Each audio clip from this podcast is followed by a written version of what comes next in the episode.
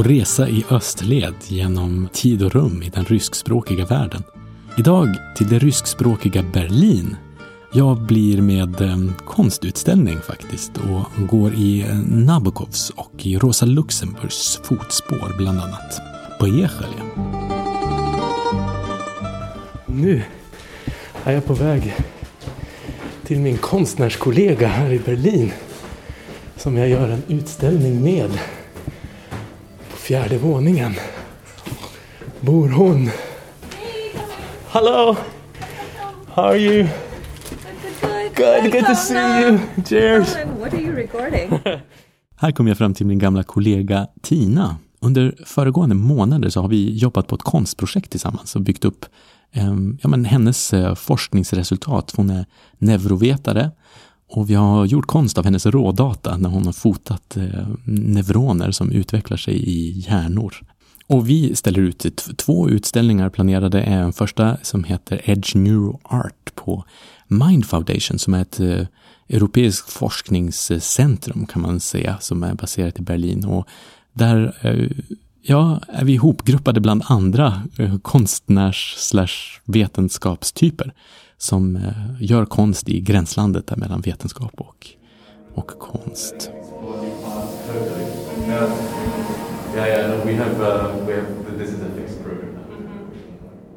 Det är märkliga tider i Europa nu med den här coronakrisen. Österled är ju en podcast som helst vill vara på ständig resa just i Österled.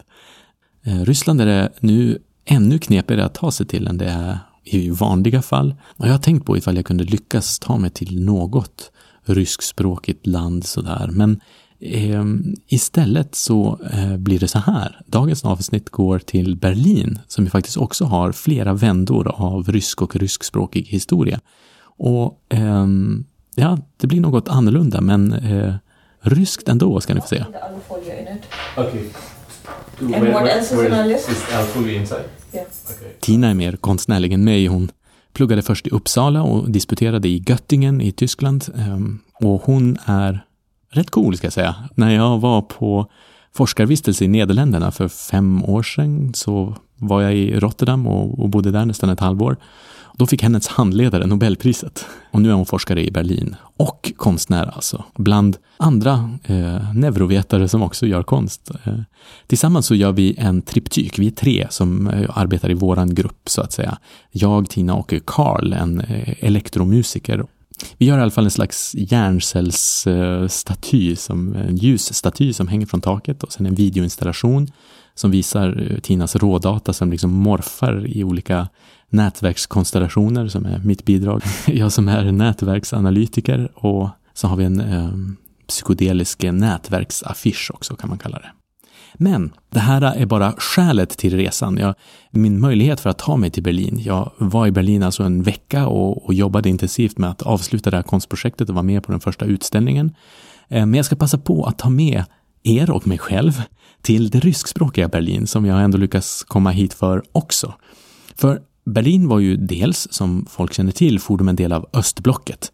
Eh, I alla fall till hälften, för det var en delad stad när Östberlin och Västberlin tillhörde olika länder i det demokratiska väst och det kommunistiska öst. Och så blev det efter kriget, men också före kriget så fanns det mycket band mellan Ryssland och eh, Berlin just.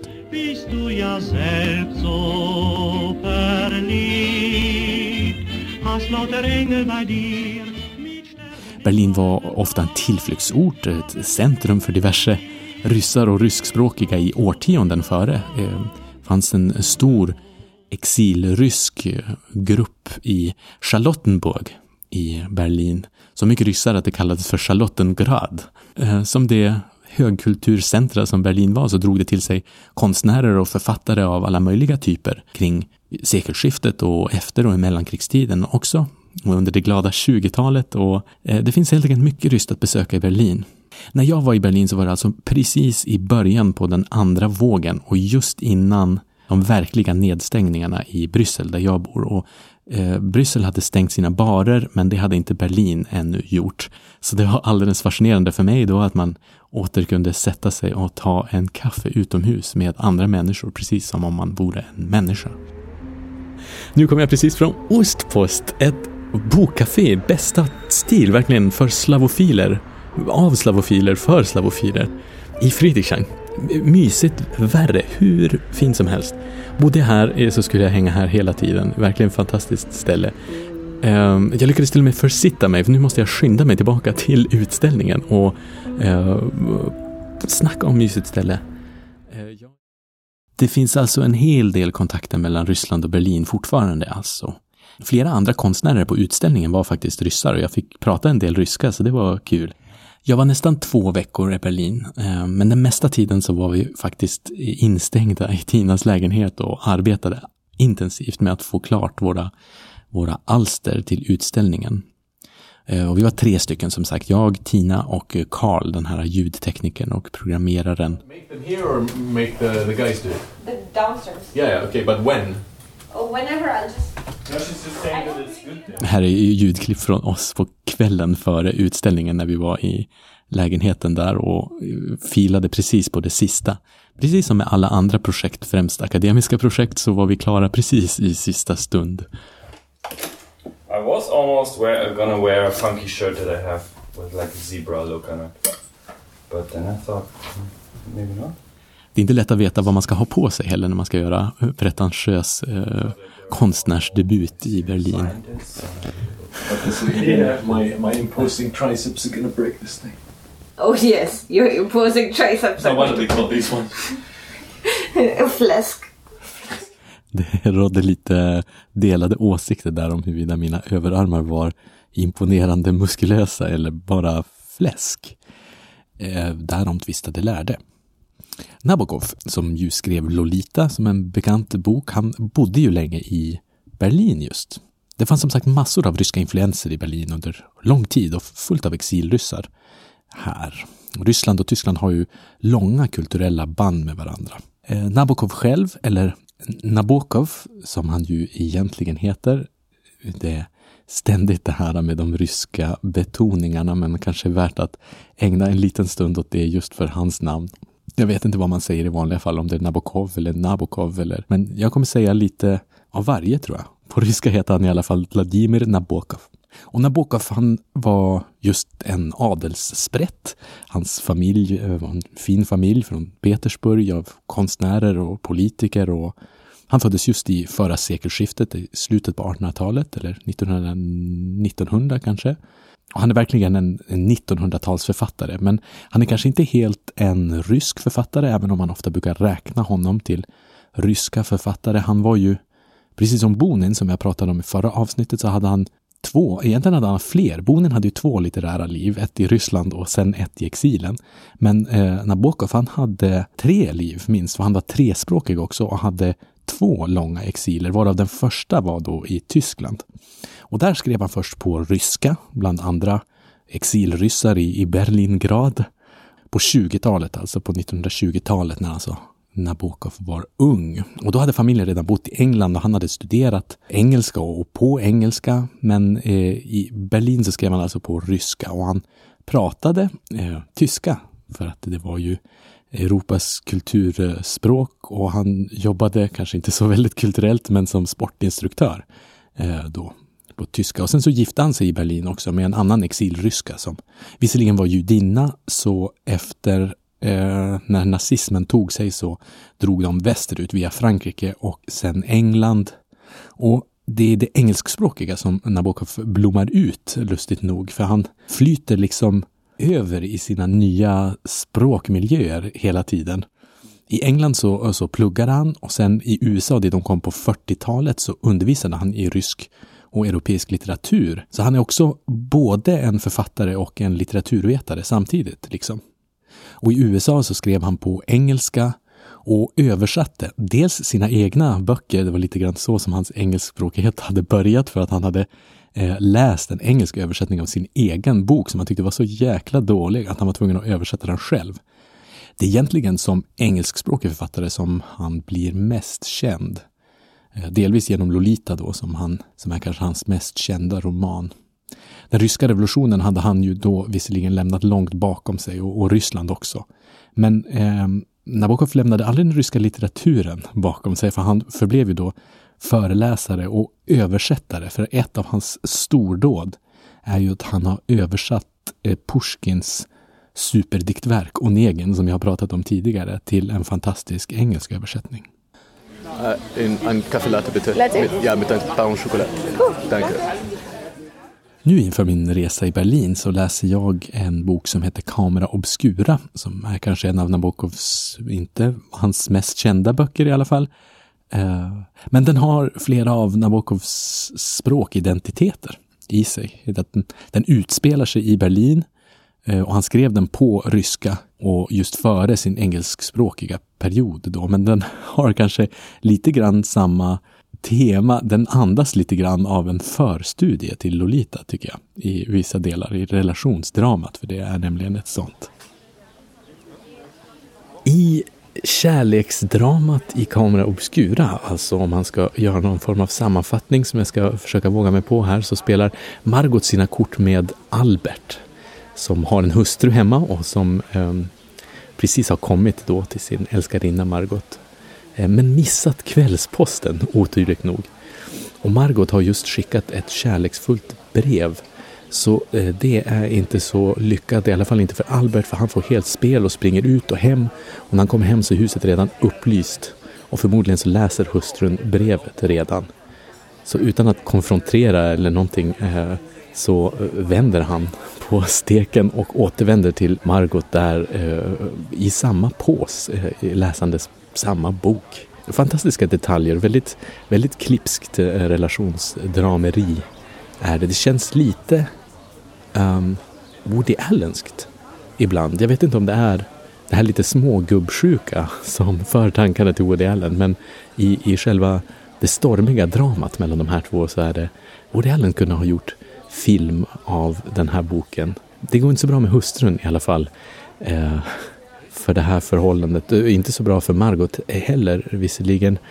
Mm, han försöker flytta in hos henne men det blir bara fånigt. Han är ju mycket äldre.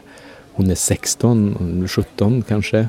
Jag har tänkt lite grann på det att det är imponerande tidigt som Nabokov är så gubbsjuk. För han var nämligen bara 33 när han skrev Kamera Obscura. Och sen så ökade han ju på åldersspannet när han skrev Lolita eh, senare.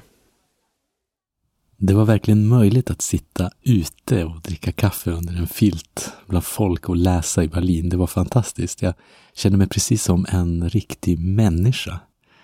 Det kryper på en, den här effekten av åtgärderna som kommer i, i och med pandemin. Man märker det inte riktigt förrän man upptäcker hur skönt det är att egentligen vara i någon sorts normalitet.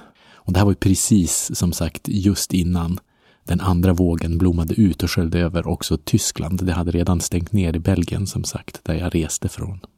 Men det fanns ändå restriktioner i Berlin på Mind Foundation till exempel där eh, utställningen var så var besöksbiljetterna knutna till vissa tider så folk kom liksom i lagoma doser för att inte överbefolka utställningslokalerna.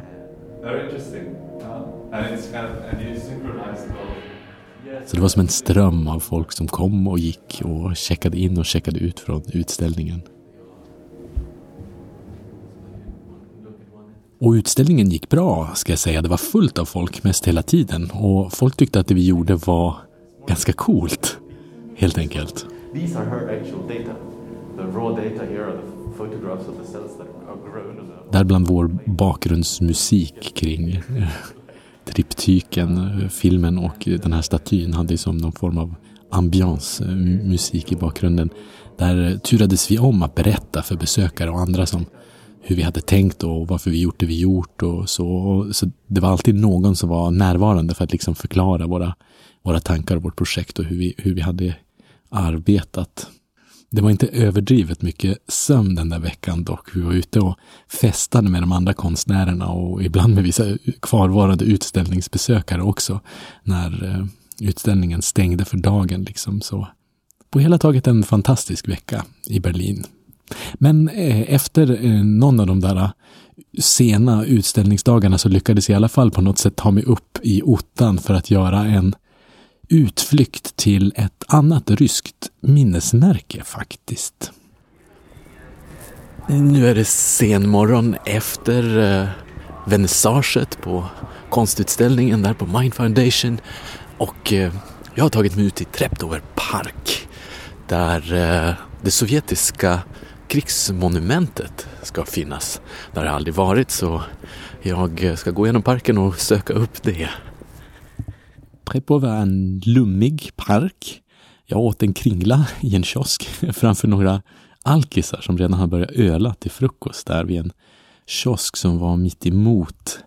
Min telefon var tilltagande sunkig och behövde laddas hela tiden och jag använde ju telefonen för inspelningar när jag är ute på, på och, och rör mig liksom. Så jag var tvungen att göra en sån där laddningspaus.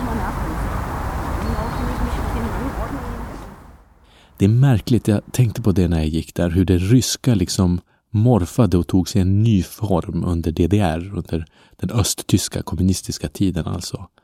Uh, Ryssland hade ju varit krigets vinnare och hade vunnit mot sin ärkefiende i, i Nazisttyskland och nu så skulle de plötsligt plantera den här överlägsna kommunismen i själva Tysklands huvudstad. Tvära ideologiska kast helt enkelt för Östberlin där på 40-talet flera märkliga lager av hur sådana här monument har att tala om och för en ny förbrödring kommunister emellan egentligen som när det samtidigt var så att det var liksom de segrandes krigsmonument över förlorarna i förlorarnas huvudstad som bara plötsligt blivit viktiga ideologiska allierade förresten. Det är en märklig, eh, en märkligt helt enkelt. Det är en lugn helgdagsmorgon här vid krigsmonumentet. Folk är ute och flanerar, eh, går mellan de här stenblocken där det är citat av olika i, i olika ska jag säga. Nu har jag gått förbi den fjärde där det var ett citat av Stalin. Så det kanske bara är citat av Stalin på olika stenblock. Otrevligt. Huvudmonumentet är i alla fall en jättestor staty av en eh, Röd armésoldat antar jag. Det är mitt emot ljus, jag ser bara siluetten.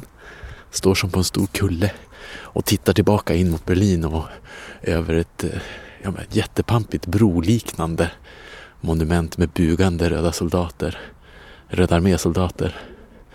En fin och lugn plats, faktiskt. En annan länk mellan det ryska och Berlin är Rosa Luxemburg. Hon var född i Polen, eh, det vill säga i ryska imperiet och eh, ja, det tänker man kanske inte på så ofta. Jag tänker i alla fall alltid på Rosa Luxemburg som tyska, eh, typ som Karl Marx. Men um, hon var utbildad på och pratade själv ryska alltså. Hon var från en rysk judisk familj. Helt ett barn av samma tid som den svensk-ryske finländaren Mannerheim förresten. Eller judisk-polska språkförbrödaren Leiser Samenhof som han som eh, skapade esperanto eller Mark Chagall eller Mark Rothko för den delen på konstsidan i Vitryssland eller Lettland, eh, allt i det ryska imperiet. Som Golda Meir bland politiker kanske. Eh, de var också av samma generation, eller Bulgakov, de två kom ju från Kiev. Eh, Ivan Bonin som jag nämnde nyss och pratade om i förra avsnittet.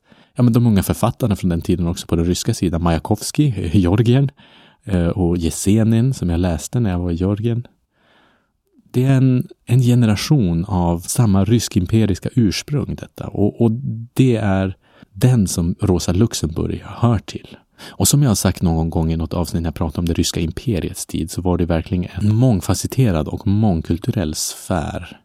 Rosa Luxemburgs familj, de pratade hemma polska och tyska och högtyska, inte jiddisch. I, i Luxemburgs hem så huserade förresten Mandelsons upplysningsidéer. Nu är det helgdagsmorgon här i Neukölln i sydöstra Berlin, hipstrikt kvarter. Jag har vandrat runt här längs eh, kanalen och eh, på de klapperstensbelagda gatorna i i det som var Östberlin med gränserna mellan, eller skillnaderna mellan öst och väst i Berlin har liksom suddats ut sakta. Men om man vet vad man tittar efter så känner man igen eh, kommunismen i arkitekturen och eh, klapperstenen kanske och funktionalistiska eh, kvadratiska hus. Mm. Jag ska gå här längs kanalen ända upp till Landwehrkanal vid Kreuzberg där Rosa Luxemburg ju mördades och slängdes i kanalen för drygt 100 år sedan, i januari 1919. Det är en angenäm promenad dit. Folk är ute och går med sina nu höstkläder och mössor och koftor eh, längs eh, kanalen här. Fullt av eh, joggare och, och bollspelare. Min kanalvandring i Berlin gick längs Landwehr kanal där man slängde ner henne, eh, Rosa Luxemburg, alltså efter att hon hade mördats av milismän från en högerrörelse. I Berlin på den tiden så var de flesta sådana där högerdjur och deras milisgrupper mot Weimarrepubliken och mot folkstyre rent allmänt egentligen. Och kanske mot Rosa Luxemburg och vänsterfolk i synnerhet. Och det var alltså de som ordnade med att mörda Rosa Luxemburg 1919. Och nu när jag var i Berlin så ligger 120 år av krig och revolutioner och kommunism mellan mig och Rosa Luxemburg här. Hon kom till Berlin för precis 120 år sedan. Rosa Luxemburg är en spektakulär politisk personlighet egentligen. Hon är en förgrundsgestalt ju i den europeiska arbetarrörelsen under ja, tidigt 1900-tal och eh, vördad sen som en eh, förgrundsgestalt av den tidiga arbetarrörelsen av bland eh, arbetarrörelsen under hela 1900-talet. Först speciellt statssubventionerat under DDR-tiden men sen också, ja men fortfarande, eh, en viktig ikon för den tyska vänstern helt enkelt. Arbetarrörelsernas tid där i början av 1900-talet var alltså eh, den tid där de kommunistiska oppositionerna i de europeiska imperierna liksom kanaliserade någon form av rättighetsanspråk bland arbetare i Europa.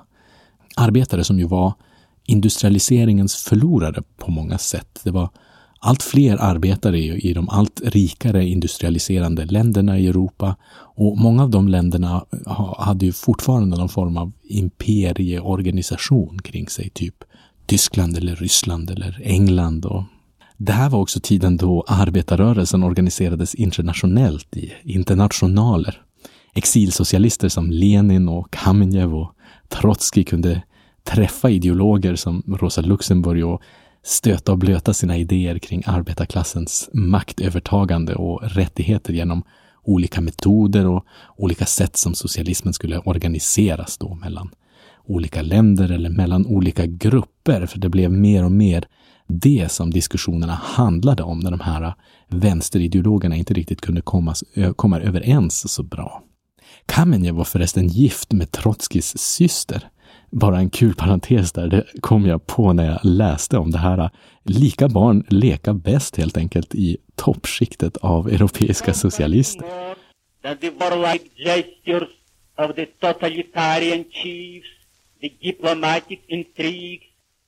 så här låter en av 1900-talets tidiga socialistiska debattörer när han pratar engelska. Det här är ingen mindre än Trotskij faktiskt. No one has now the right to doubt that. Alla socialister från den här tiden var naturligtvis inte sams, som jag sa, långt ifrån. Ehm, för eh, Luxemburg drog till exempel inte jämt med Lenin. Hon var alldeles för mjuk, kan man säga. Hon var i princip mot utrensande av oliktänkare, eh, i alla fall kan man säga det i efterhand. Hennes eftermäle är därför kanske mer smakfullt kan man säga än många andra i den här kakafonin från socialisternas debatt under internationalerna på det tidiga 1900-talet. Mm. Luxemburgs tid här, internationalernas tid, är också en, en sorts skiljeväg för Europa och, och Tyskland och, och Rysslands öden som sammanfallande och sammanflätade imperier under det som var den tyska revolutionen. För att Ryssland och Tyskland kunde ha gått lite grann samma väg kanske. I alla fall var det lite grann upplagt för det.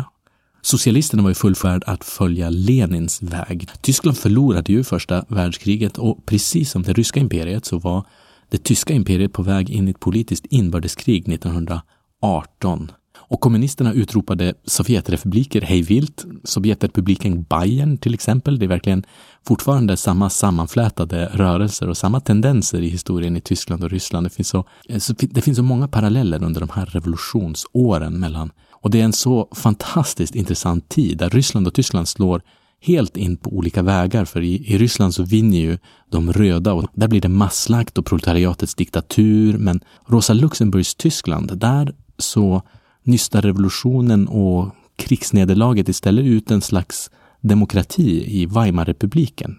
Och inte desto mindre så är det en tid av ja men, armod och oordning i Tyskland som var mycket tyngt av Versaillesfredens ok efter första världskriget och inte fick någon demokratisk ordning i Weimarrepubliken. Men inte desto mindre så blev det ju inte något inbördeskrig och sedan Sovjetstat i Tyskland.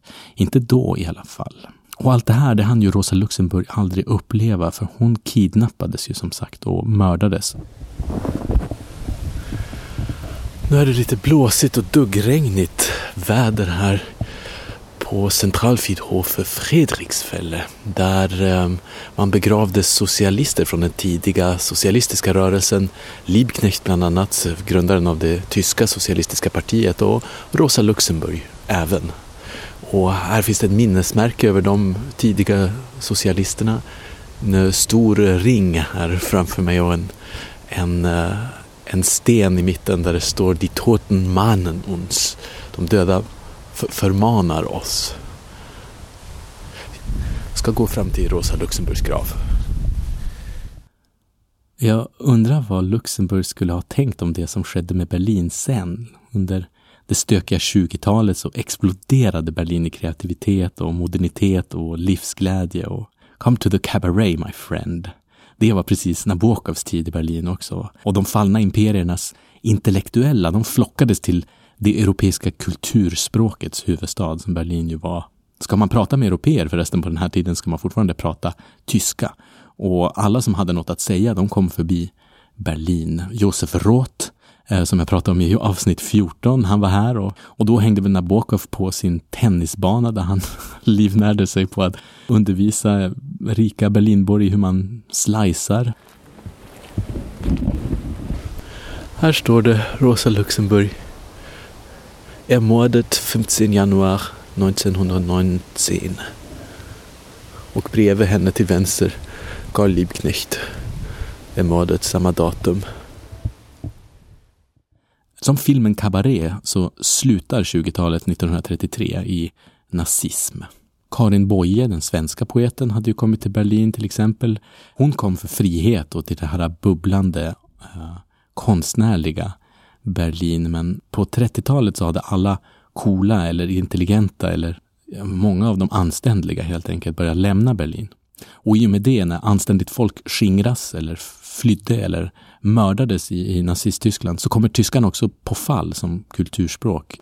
Nabokov ska vi se som ett exempel på det där, eh, som börjar som en, ja, han började ju inte som tysktalare, men eh, var ju det. Einstein kanske ett bättre exempel. Som är tysktalare men växlar till engelska som många andra influencers då. Att vi kommer ihåg honom på engelska, det är ju symptomatiskt för den kulturella nedgång som fascismen bar med sig för det tyska. Alle Menschen werden Bröder sjunger vi i Europasången Odan die Freude. Men eh, de flesta europeer kan inte tyska längre. Och som Einstein och Nabokov så pratar vi engelska med lite brytning då till varandra när vi träffas. Till och med vi som hamnade i Stalins Östeuropa efter kriget. Då ryssarna kom hela vägen till Berlin. För ryska som lingua franca, det rotade sig aldrig riktigt i östblocket. Inte något vidare i alla fall. Det vet en var slavofil som tror att man kan saxa sig runt på ryska i Polen eller Slovakien. Det, det är helt enkelt inte uppskattat där. Med polacker så pratar vi engelska. Den brutna engelskan är numera Europas kulturspråk. Nie umie polskiego, angielskiego też, też, też. Tak. Ale jako jedno z nas jestem na tyle głupi, by uwierzyć. Jag höll tal på polska när min vän gifte sig med en polack. Eh, det var mycket uppskattat på sätt och vis. Delvis i alla fall. För eh, efter talet under kvällen och oberoende av varandra så meddelade mig olika bröllopsgäster från den polska sidan eh, lite åt sidan här på tu man hand att det var fint det där talet men eh, det lät ju väldigt ryskt. Och det var inte bra. Och det här förklarar de då på engelska såklart, inte på tyska. Åh, lite mulet och trist att det duggregnar så hårt här. Ah, jag har gått runt kyrkogården i skydd av träden. Det finns lite minnesmärken till nazismens offer och så. Under nazisttiden så förstörde man delar av de minnesmärken som socialisterna hade satt upp före andra världskriget. Ehm, Lustigt nog så finns en eh, perifer typ som jag nämnt tidigare i podcasten, Klaus Fuchs. Han är också begravd här. Han var spion i USA för Sovjetunionen och gav dem en massa information som ledde till att Sovjetunionen till sist utvecklade atomvapen. Så det kanske inte var så himla lyckat men eh, här är han i alla fall. Eh, Nåväl, jag ska försöka eh, hitta, det här är väldigt långt ut Eh, från stan så jag ska försöka ta mig tillbaka in till city och konstutställningen där jag ska sätta upp videoprojektionen nu och här ser jag en buss. Eh, den kanske går att ta. Jag ska springa iväg. Vänta, vänta, vänta. Jag undrar när det blir läge att resa igen. Det är inte annat än att jag känner en viss reslust. Nu är det mellandagar här i Bryssel 2020 och vi är inlåsta igen någorlunda. Jag önskar att det fanns ett, ett härligt Platskartni-tåg så man kunde åka tredje klass i liggvagn bort från pandemin och vakna någon annanstans i en annan rysk tidszon där det inte fanns några virus. I nästa avsnitt så återvänder jag till mitt resande i Georgien. Det här var ju som en liten parentes eftersom jag under hösten var i Berlin. Om man inte kan vänta till dess på kaukasiska inspel så har jag en varm rekommendation att göra. Det finns en insiktsfull blogg nämligen som skrivs av Kaukasuskännaren Rasmus Kahnbäck. Sök på Österut med Rasmus Kahnbäck, med C stavar han Kahnbäck, så hittar ni honom på Facebook. Nu publicerar han en serie med eh, berättelser från det här årets, eller förra årets, ifall ni lyssnar i 2021, i 2020 års krig i Nagorno-Karabach helt enkelt. Eh, tillsammans med annat eh, tänkvärt om det forna Sovjetunionen. När jag bodde i Georgien 2018 så var det förresten en mycket spännande tid just för Armenien eh, som han specialiserar sig lite på. Det är Georgiens nära och lilla grannland Armenien och hade jag blivit längre i Tbilisi så hade mina resor säkerligen tagit mig dit också. Jag borde ha tagit er med på ett Armenien-avsnitt, men det kanske kan återhämta sig. Jag kan göra ett sånt framöver, kanske här i vår. Vi får se. Nästa avsnitt går i alla fall till Georgien. Gör som min eh, nyvaccinerade farbror och håll er friska och prata ryska. Det är mitt tips. Eh, vi hörs på återseende, på återhörande. Tills nästa gång, ha det gött. Backa!